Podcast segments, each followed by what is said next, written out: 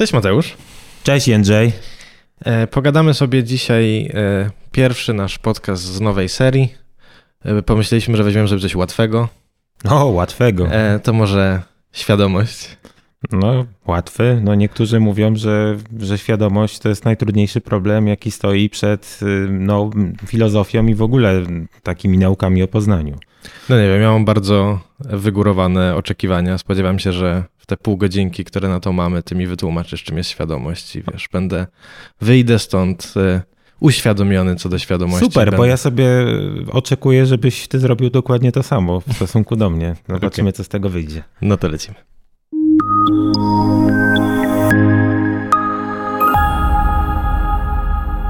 No to tak. E, jakby, dlaczego to nie może być trudny problem? Dlatego, że e, przecież jak się tak zastanowisz, co się dzieje w przestrzeni dookoła nas, no to wszyscy o tej świadomości mówią, tak? Nie wiem, jest historyjka, że czyjś dwuletni syn strącił wazon i go roztrzaskał. I e, no wiadomo, że go nie winimy za to, co się stało, no bo on przecież nie był świadomy tego, co robi. Bawił się, tak? Nie był świadomy. E, co tam jeszcze? Rządzący wiadomo, że muszą uświadomić sobie, jakie są skutki zmian klimatu dla naszej planety. Kolejne mhm. użycie świadomości. Wiesz, co druga osoba mówi coś takiego. Znowu, e, chyba wiadomo, co to jest ta świadomość, tak? Albo możesz sobie chodzić po mieście. Ostatnio chodziłem po, po Krakowie i patrzę, wiesz, na, na różne plakaty i tam co i róż, róż masz jakiś taki, na przykład kurs tańca albo kurs sztuk walki. I tam jest, wiesz, mm, zwiększ świadomość swojego ciała. Mhm. E, to co, to, to, to, to ta świadomość jest trudna, trudnym problemem, czy, czy, czy łatwym? Bo chyba wszyscy wiedzą, co to jest świadomość, skoro o niej mówią. No, może wszyscy wiedzą, ale naukowcy to lubią, jak mogą coś zmierzyć i lubią, jak mogą no, dyskutować o tym jako czymś obiektywnym i stosować obiektywne metody. No, nie? no na przykład jak bierzesz sobie kartkę papieru i chcesz ją zmierzyć linijką, no to przykładasz tą linijkę i pokazujesz mi, tak, to, to ma ileś tam centymetrów, no i mamy coś, co nazywamy intersubiektywnością, nie? że e, możemy się dogadać w sprawie tego i możemy zastosować tą metodę e, no właśnie w jakiś taki przynajmniej quasi obiektywny sposób. Nie? Mm. No a ze świadomością jest problem, bo świadomość to jest coś wewnętrznego, to jest coś, co, do czego w zasadzie mam dostęp tylko ja. Jak ja bym chciał być, pewnie sobie przejdziemy do tych wszystkich zagwozdek, filo, zagwozdek filozoficznych, ale gdybym ja chciał być takim totalnym sceptykiem i wywrócić ten stolik, nie zrobię tego, bo ciężki, mhm. ja bym powiedział, Jędrzej, ty, ty nie jesteś świadomą istotą, ty jesteś robotem, ty się tylko zachowujesz, jakbyś był świadomy, tak się przyzwyczailiśmy, że mówimy o sobie jako świadomych istotach, ale być może ty się po prostu tak zachowujesz. Ja nie mam metody, żeby to sprawdzić. Okej, okay, to ja nie spodziewałem się, że zaczniesz w ten sposób. Nie wiem, czy powinien się czuć obrażony, czy nie. No, zaraz, znobilitowany, bo być może ta świadomość wcale nie jest taka potrzebna. A no właśnie, może to, jest, może to jest wyższa forma rozwoju. To jest odrzucenie okowów świadomości. E, no dobra. To co? Wydaje mi się, że takie, jeżeli chodzi o to, to te zagadnienia związane ze świadomością, to są takie trzy główne pytania, które można sobie zadać, takie najogólniejsze. Tak? Czyli to pierwsze pytanie to było takie pytanie, czym ta świadomość w ogóle jest, tak? E, I e, w szczególności jak odróżnić to, co świadome od tego, co nieświadome. E, mhm. Jaka jest różnica? Czy, jeżeli założymy, że ten stół nie jest świadomy, a uwaga, uwaga, nie minie kilkanaście minut naszego podcastu, a będziemy mówić o takich osobach, które nie są gotowe podzielić z nami tego założenia, no to chcielibyśmy powiedzieć, dlaczego jest większe prawdopodobieństwo, że Mateusz jest świadomy niż ten stół, albo, albo że świadomość u Mateusza realizuje się w sposób jakiś taki bardziej skomplikowany i rozbudowany niż w tym stole. Czyli jest pytanie o e, to, czym sama świadomość jest, jest pytanie, skąd się wzięła, tak? I no tutaj to pytanie jest naj, jakby najbardziej interesujące w kontekście tego, że mamy materialny świat, mhm. mamy jakąś konfigurację cząstek, które w tym świecie się pojawiają i nagle pyk, świadomość. Albo e, iluzja świadomości. Jedno i drugie robi mhm. wrażenie. Um, no i jest y, takie ostatnie pytanie y, funkcjonalne, prawda? Czyli to pytanie, po co jest świadomość? Mhm. E, I teraz odpowiedź wyróżniona to mogła być taka, że świadomość jest dla przyjemności, bo jak nie ma świadomości, to nie ma przyjemności, ale jest też, y, jest też prawdą, że jak nie byłoby świadomości, to może by nie było nieprzyjemności. No właśnie, więc... nie byłoby cierpienia. Dokładnie. Mhm. Czyli pytanie jest takie, czy nam się ta świadomość w tym wszystkim opłaca. To co, przechodzimy do pierwszego pytania. E, czym jest świadomość? Jedziemy, jestem gotowy. No to jeden z takich sposobów uchwycenia tego, czym jest świadomość, to jest mowa o takim czymś, co się po angielsku nazywa sentience, mhm. czyli zdolność odczuwania. Mhm. I to jest jakby taka zdolność y, reagowania na bodźce w świecie. Nie? Jest, y, jest taki aspekt, y, też, też powiedzielibyśmy, że to jest takie potencjalnie stopniowalne. Mhm. Nie? Bo z jednej strony jest tak, że no powiedzielibyśmy, że twoja zdolność odczuwania i interakcji z rzeczywistością jest rozbudowana, bardzo elastyczna i tak dalej. E, zdolność odczuwania i reagowania ze e, światem e, twojego kota jest mhm. mniej, ale też jest mhm. rozbudowana. Co... No nie wiem, czy mniej, ale okay. jasne, ale większym problemem wydaje mi się, że jeśli chodzi o kręgowce, o ssaki, to łatwo się nam dogadać, ale no ja badam owady też i E, naprawdę trudno mi jest w tej sprawie mieć jakieś zdanie. Nie wiem, co się dzieje w tych miniaturowych układach nerwowych e, i oto jest teraz spór. Oto jest bardzo poważny spór, który też ma oczywiście jakieś implikacje etyczne, no bo przecież ta zdolność do odczuwania miałaby być e, czymś, co no, wiąże się z pewnymi prawami czy powinnościami wobec takich istot. Nie? Wobec przypadku istot bez kręgosłupa, hmm. o prostszych układach nerwowych, nie liczących dziesiątków, po prostu milionów, milionów, milionów neuronów, e, chociaż też ich tam upakowanych jest dużo e, w tych małych układach nerwowych. No, jest to rzeczywiście problem. I to jest coś, o czym się dyskutuje. Wydaje mi się, że ta dyskusja nasza dotyczy jednak realnych problemów w takim sensie, że to jest coś, co e, no, zajmuje dużo umysłów, umysłów wielu osób, które się parają różnymi naukami. I chyba to jest w tej dyskusji fajne, że ona jest rzeczywiście interdyscyplinarna. Bo tutaj e, no oczywiście ktoś może wyjść z pozycji empirycznego badacza, jak ja to powiedzmy staram się robić, ktoś może wyjść z pozycji filozofa, tak jak ty się to starasz robić, e, ale te pozycje się spotykają i tak naprawdę będziemy chyba przechodzić między filozofią, psychologią i neuronauką, także czasem nawet nie będziemy wiedzieć, kiedy to robimy.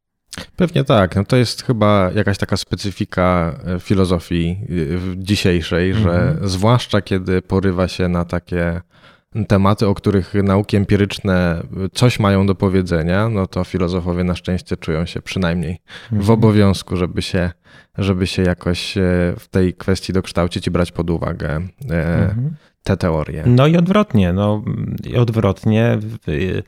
Świadomość jest rzeczywiście interdyscyplinarna, no bo jak popatrzymy sobie na jakieś zespoły badawcze, w których e, są jakieś projekty i jakieś aspekty tej świadomości się bada, no to e, filozofowie, neuronaukowcy, psychologowie no po prostu współpracują tak realnie i nie ma tego podziału. Wydaje mi się, że wydaje mi się, że świadomość jest jednym takich najbardziej interdyscyplinarnych tematów, przynajmniej w naukach o poznaniu. Jasne. Okej, okay, czyli, mamy, czyli mamy tą zdolność odczuwania. E, zakładamy, że ona jest jakoś stopniowalna. A co z roślinami, tak na szybko? Oj, nie wiem. E, są filozofowie, którzy mówią o świadomości roślin. Jest taki filozof, bardzo poważny człowiek, e, Paco Calvo, który e, no, do tej dyskusji, do tej dyskusji naszej by mógł wiele wnieść i, i bronić poglądu, że jakieś formy świadomości niekoniecznie muszą wiązać się z tym, że jesteśmy obiektami, które się poruszają samodzielnie, mają kręgosłup, mają wiązki neuronów, które nazywamy nazywamy potocznie mózgami i tak dalej, tak. ale w to chyba nie chcę wchodzić, bo chyba nie umiem. Jasne. Okej. Okay. Drugi sens świadomości, taki ogólny, to jest jestem świadomy, bo jestem obudzony. Mhm. E, jak tak e, historyjka o włamaniu do domu. Ktoś nie był świadom tego, co działo się w jego salonie o trzeciej w nocy, bo spał. Mhm. Tak, czyli mamy te takie, e, taki sens właśnie bycie świadomym, to bycie przytomnym, obudzonym, czujnym. E, I ja z, w tej książce niedawno wydanej e, Anila Sefa e, mhm. Being You znalazłem taką fajną strukturę, w której on pokazuje, wylicza kolejne stopnie tej, mhm. tego bycia świadomym. Na samym dole e, żywa osoba jest najmniej świadoma wtedy, kiedy przebywa w śpiączce. Mhm. E, potem jest znieczulenie ogólne. Potem jest sen głęboki. Potem jest sen płytki Potem jest uczucie senności i dopiero na końcu jest to bycie świadomym y, i obudzonym i czujnym, e, które wiąże się jakoś też z naszą możliwością gospodarowania naszą uwagą w danym momencie. Nie? Tak, no i to rozróżnienie jakoś pasuje do takich medycznych klasyfikacji świadomości, gdzie, gdzie, możemy, gdzie możemy stwierdzić, na, w którym miejscu powiedzmy pacjent jest. Prawda?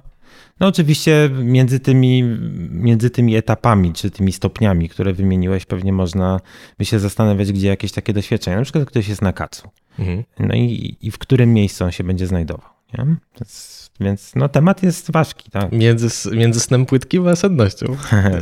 różnie, różnie, różnie tego ludzie doświadczają. Okej. Okay. Kolejny takie, że tak powiem, zarzucę grubym tematem, to jest temat samoświadomości. Mhm. I tutaj, e, no też często się mówi o tym, że samoświadomość jest jakoś stopniowalna. E, taką rozbudowaną, dorosłą samoświadomość gdzieś tam w naszym rozwoju od dziecka mm, zyskujemy i nabywamy, mhm. tak? E, jest pytanie dotyczące tego, na ile samoświadomość, do, do samoświadomości kontrybuuje jakaś pula pojęciowa. Mhm. Tak? Bo ja mogę na przykład mieć taką samoświadomość, która wynika z mojej pamięci, czyli mhm. jestem świadom siebie jako tej samej osoby, która zanim zaczęliśmy nagrywać, wypiła kawę. Mhm. Um, ale jest też taka samoświadomość, która jest ubrana w pojęcia. Ja mam jakąś koncepcję siebie.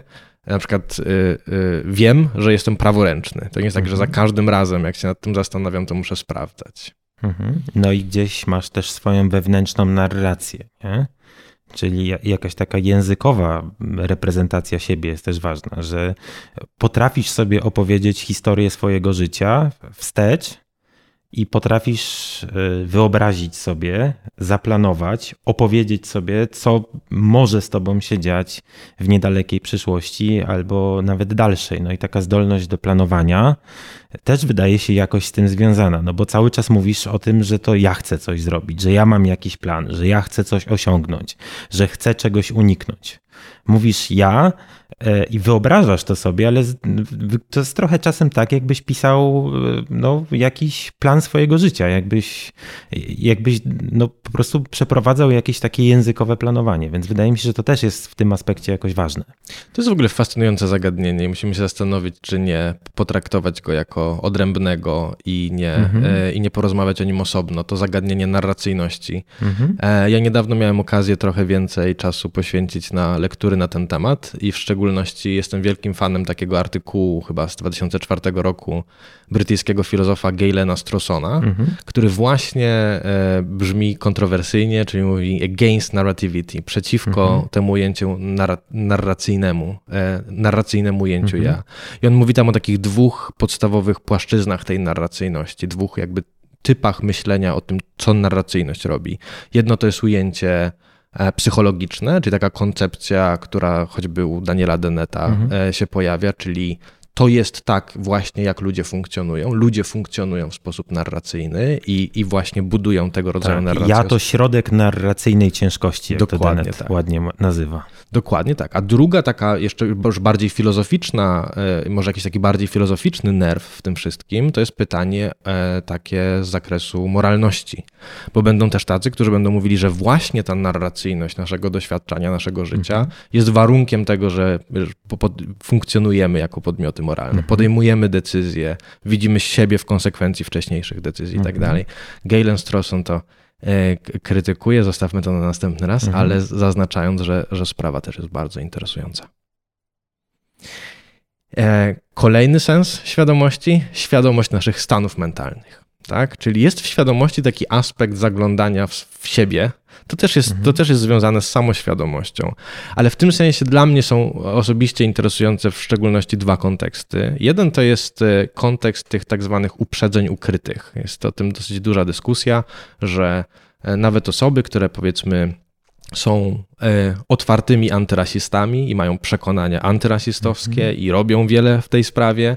E, będą mie miały często jakieś, przejawiały jakieś mikrozachowania, które będą mhm. dowodem na to, że w jakiś sposób ten, ten, ta nutka rasistowska w nich jest. Często tak, ze tak. względu na to, że na przykład byli wychowani albo były wychowane w jakichś konkretnych środowiskach. No, jednym z takich paradygmatów psychologii, którym stud który, stu który studentom się często pokazuje, ja przynajmniej tak robiłem na zajęciach z psychologii poznawczej, co my możemy z czasów reakcji wyczytać, jak wiele, jest tak zwany E, test utajonych e, skojarzeń czy przekonań. Nie? I, e, I może się okazać, że no, ja to robiłem w takiej opcji, w takiej opcji niekontrowersyjnej. Co wolisz, Coca-Colę czy Pepsi, nie? Mm. Natomiast tak, może się okazać, że może się okazać, że twoje czasy reakcji na pewne bodźce, które wydają się na twoim jakimś takim poziomie budowania historii siebie zupełnie neutralne, E, no reagujesz na nie inaczej. No mówiąc krótko,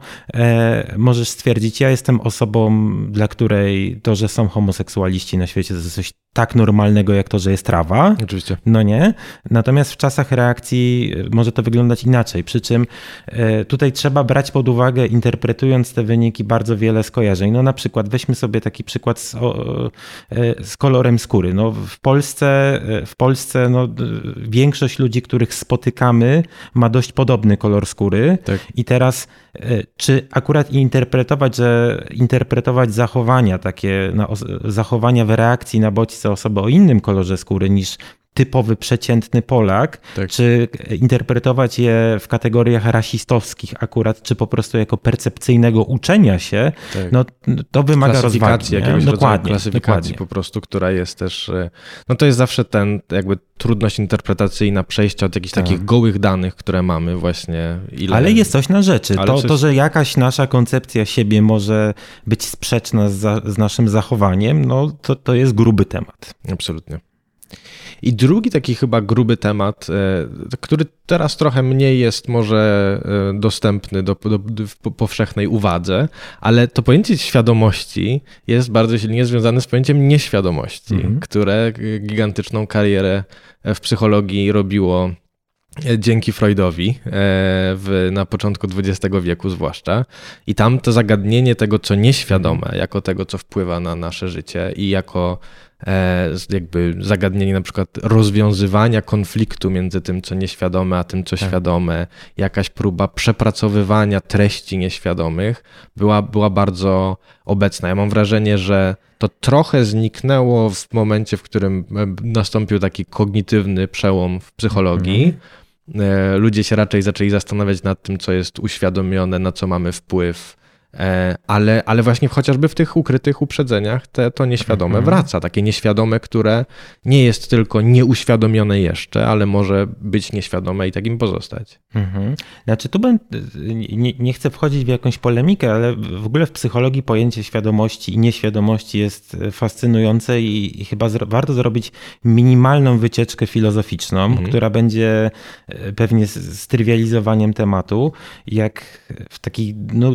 grubej tradycji historii filozofii zachodniej, jak mówimy, ktoś ma umysł, no to nie ma czegoś takiego jak umysł nieświadomy. Tak. Kiedy Kartezjusz mówi y, o umyśle, to zawsze mówi o umyśle świadomym. Mhm. E, to się zaczęło zmieniać. E, Freud nie był, Freud w 100% się z tą zgadzam, Freud to spopularyzował, tak. natomiast nie był pierwszy, o czym to chyba warto powiedzieć, bo wiele osób przypisuje Freudowi odkrycie nieświadomości. No, mhm. E, no, nieświadomość jest tak stara jak psychologia eksperymentalna.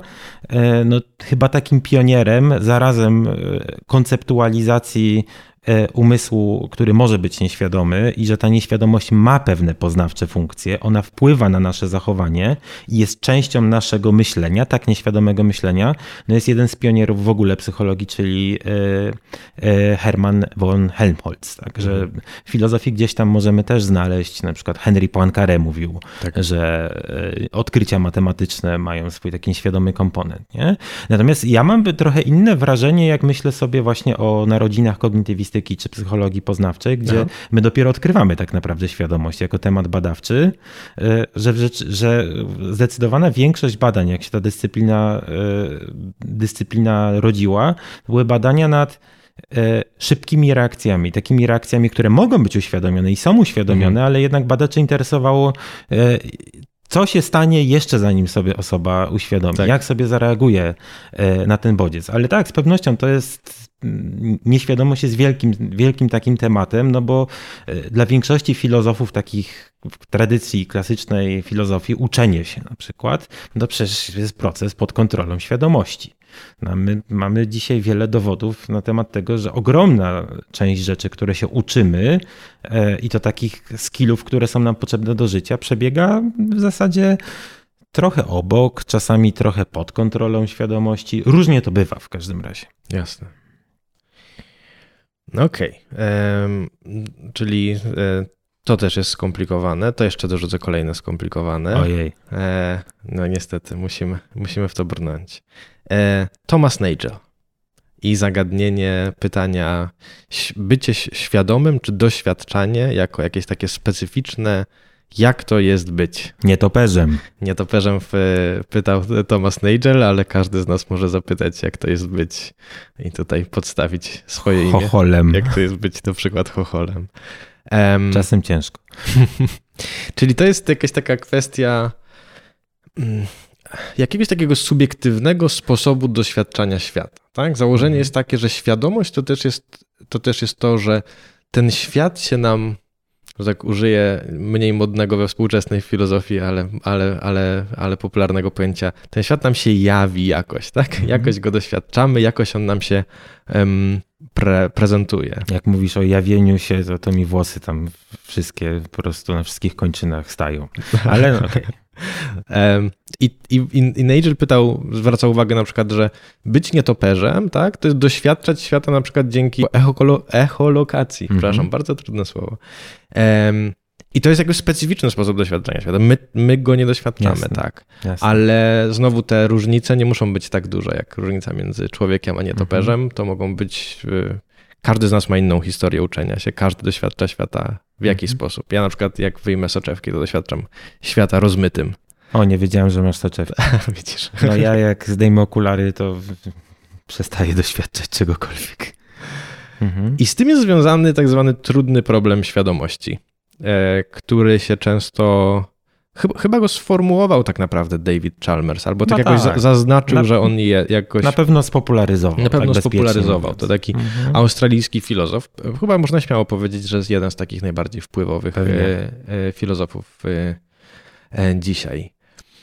No i dlaczego ten trudny problem świadomości jest trudny i w czym on jest trudniejszy od łatwych i jakie są łatwe? Aha. No, łatwe problemy świadomości, które wcale nie są takie łatwe dla każdej osoby, która chociaż raz w życiu w jakimś laboratorium była i próbowała jakieś badanie, e, jakieś badanie przeprowadzić, no to jak to jest, że nie wiem, że, że postrzegamy coś? Jak to jest, że jak to jest, że e, fotony, które do nas docierają, przechodzą, cały ten strumień wzrokowy przechodzi przez szereg etapów, dociera do kory wzrokowej i stworzona jest jakaś reprezentacja, czyli e, jak na czym to polega, że ja widząc ciebie mam jakąś reprezentację ciebie. No ale to, to nie jest jeszcze odpowiedź na pytanie, e, właśnie to trudne pytanie, jak to jest doświadczać czegoś, jak, jak to jest nadawać temu cały ten umysłowy koloryt. Kurczę, nawet trudno jest o tym mówić. Ten, mhm. ten, jak dla mnie jest trudnym problemem świadomości, problem polega też na tym, że strasznie trudno jest o tym opowiadać. I Chalmers próbuje tutaj powiedzieć, że każde nasze doświadczenie jest jakieś nasze, że jest jakieś swoiste, że nie wiem, nie da się tego doświadczenia zabrać i pokazać komuś innemu, no bo każdy ma tą swoją perspektywę zilustrowaną przez nietoperza. Ale może wcale ten trudny problem nie jest taki trudny. Być może Chalmers, Nigel i, i kilka, nie wiem, Frank Jackson i kilka innych osób być może tak ustawiły takiego strongmana, że może tego hmm. trudnego problemu takiego, aż takiego nie ma. Chociaż ja sobie zdaję sprawę, że zdaję sobie sprawę, te wszystkie tutaj konteksty, które ty tak pięknie tutaj y, ładnie filozoficznie... Zapodaję. Nie no, super, to oddzieliłeś, nie? E, tak akademicko-szkolnie, bardzo ładnie, nie? Ale one się gdzieś tam zbiegają, nie? I e, no jak wyrzucamy zwierzęta, no to to jest bardzo fajny przykład w ogóle. No, już zostawmy te nietoperze. Ja nie mam pojęcia, jak to jest być nietoperzem. Mhm. Naprawdę zastanawiam się często yy, z żoną, jak to jest być naszym kotem. I to jest trudny temat, dlatego że yy, tutaj wykorzystam wiedzę, korzystając z tego podziału na temat łatwych problemów świadomości.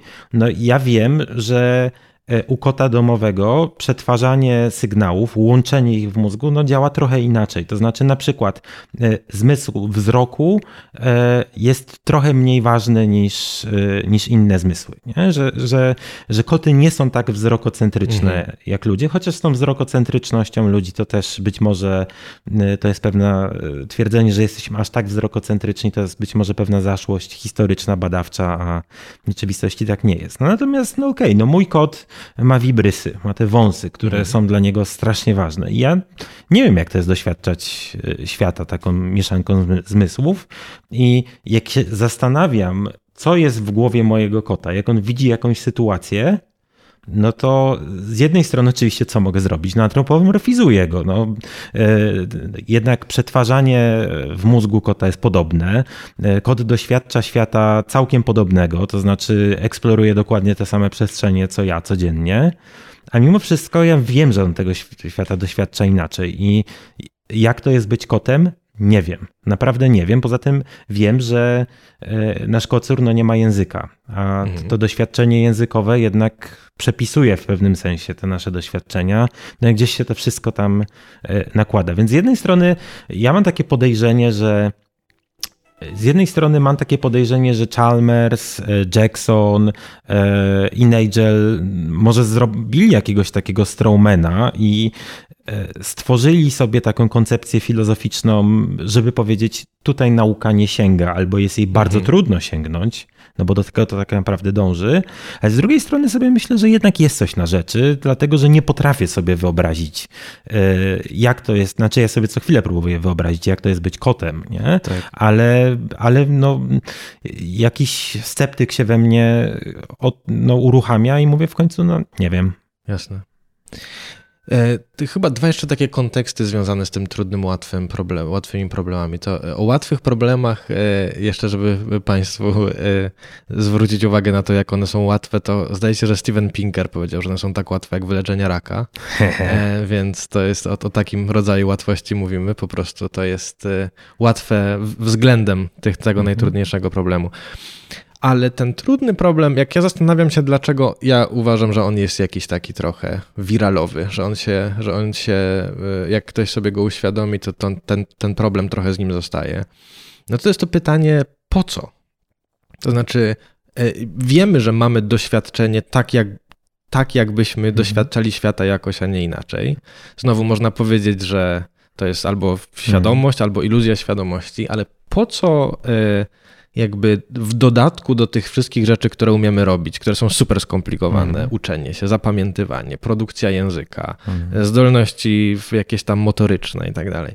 Po co jeszcze na szczycie tego musi być takie doświadczenie, że, ja, że, ja, że to jest jakoś tak, a nie jakoś inaczej dla mnie? To jest chyba coś, co. No ja mam z tym największy problem zostaje. osobiście, dlatego że no zacząłem od tego grubie, grubego przykładu, yy, czyli wyobraźmy sobie, że ty nie masz świadomości. W sensie, że ja sobie tak zakładam, że jesteś Chalmers się pojawił, no to zaraz opowiesz pewnie zombie, nie? Że nie masz, że jesteś takim automatem kompletnym. No ale ty robisz wszystko tak, jakbyś miał świadomość. Więc być może ta, ta świadomość jest rzeczywiście, jak to filozofowie znowu mi się, jak to powiem, włosy zjeżą, jak przy jawieniu się, że jest epifenomenem. Uhuhu. O, no, to musisz się trudne słowo. No, że jest, że występuje, współwystępuje, ale nie ma żadnej funkcji. Nie jest przyczyną niczego że jest czymś, co jest takim dodatkiem do naszego przetwarzania mózgowego. Jest produktem ubocznym, używając jakiegoś takiego języka bardziej ewolucyjnego. Mhm. No, ja jestem skłonny sobie wyobrazić, że takie coś może zachodzić i e, do mnie argumenty ewolucyjne, że po co coś takiego, co, po co coś takiego kosztownego było, bo, bo, bo ja bardzo poważnie biorę myślenie ewolucyjne i w ogóle nie wyobrażam sobie myśleć o umyśle i poznaniu nieewolucyjnie. Mhm. Natomiast zupełnie sobie wyobrażam e, sytuację, okej, okay, no tutaj argument byłby taki, po co utrzymywać tak kosztowną zdolność? Tak. No mózg zużywa dużo energii. No ale gdybyśmy stwierdzili, to jest coś dodatkowego, coś, co po prostu współwystępuje z tymi wszystkimi przykładami, które wymieniłeś, produkcją mowy, motoryka mhm. i tak dalej, i tak dalej, no to być może to nie ma żadnych kosztów. No, że, że być może to po prostu jest i e, jest i tyle, dlatego że to jest właśnie produkt uboczny konstrukcji e, naszych mózgów, że to nie jest coś wyselekcjonowanego bezpośrednio przez dobór naturalny, żeby pełnić jakąś funkcję. No ja, prawdę mówiąc, nie znajduję jakiegoś takiego. Y, y, z jednej strony się we mnie uruchamia, no tak, chcę wierzyć, że to ma jakiś sens, ale z drugiej strony sceptyk mi mówi, może tak być, że to jest produkt uboczny. Okej, okay, czyli mam wrażenie, że teraz to nasze krótkie e, porozmawianie o trudnych e, i trudniejszych problemach mhm. świadomości E, to jest może takie dobre domknięcie tej takiej bardziej ogólnej e, i filozoficznej części naszej rozmowy -hmm. o tych tematach. Omówiliśmy z grubsza te tematy, czym świadomość jest i jakie są różne sposoby uchwytywania tego, czym świadomość być może. No i przyjrzeliśmy się temu, że jest problem z tym, po co ona jest, tak? Skoro, jest koszt, skoro kosztuje dużo kalorii. Następnym razem e, trochę więcej może przyjrzymy się na temat, e, przyjrzymy się temu, co na ten temat mówią jakieś takie bardziej szczególne, szczegółowe teorie. Zarówno jak świadomość e, wyniknęła w świecie mhm. materialnym, jak i jaką dokładnie funkcję może jest także pełni w naszej działalności poznawczej. No to jak słuchacze, jak słuchacze się zagotowali, że, że wprowadzamy ich w jakieś takie no, grube rejony filozoficzno-naukowe, to chyba będzie jeszcze grubiej. Będzie grubiej, ale postaramy się pełnić naszą funkcję tutaj i przez ten gąszcz pytań e, Państwa przeprowadzić. E, zachęcamy do dołączenia się do nas też następnym razem. I subskrybujcie kanał.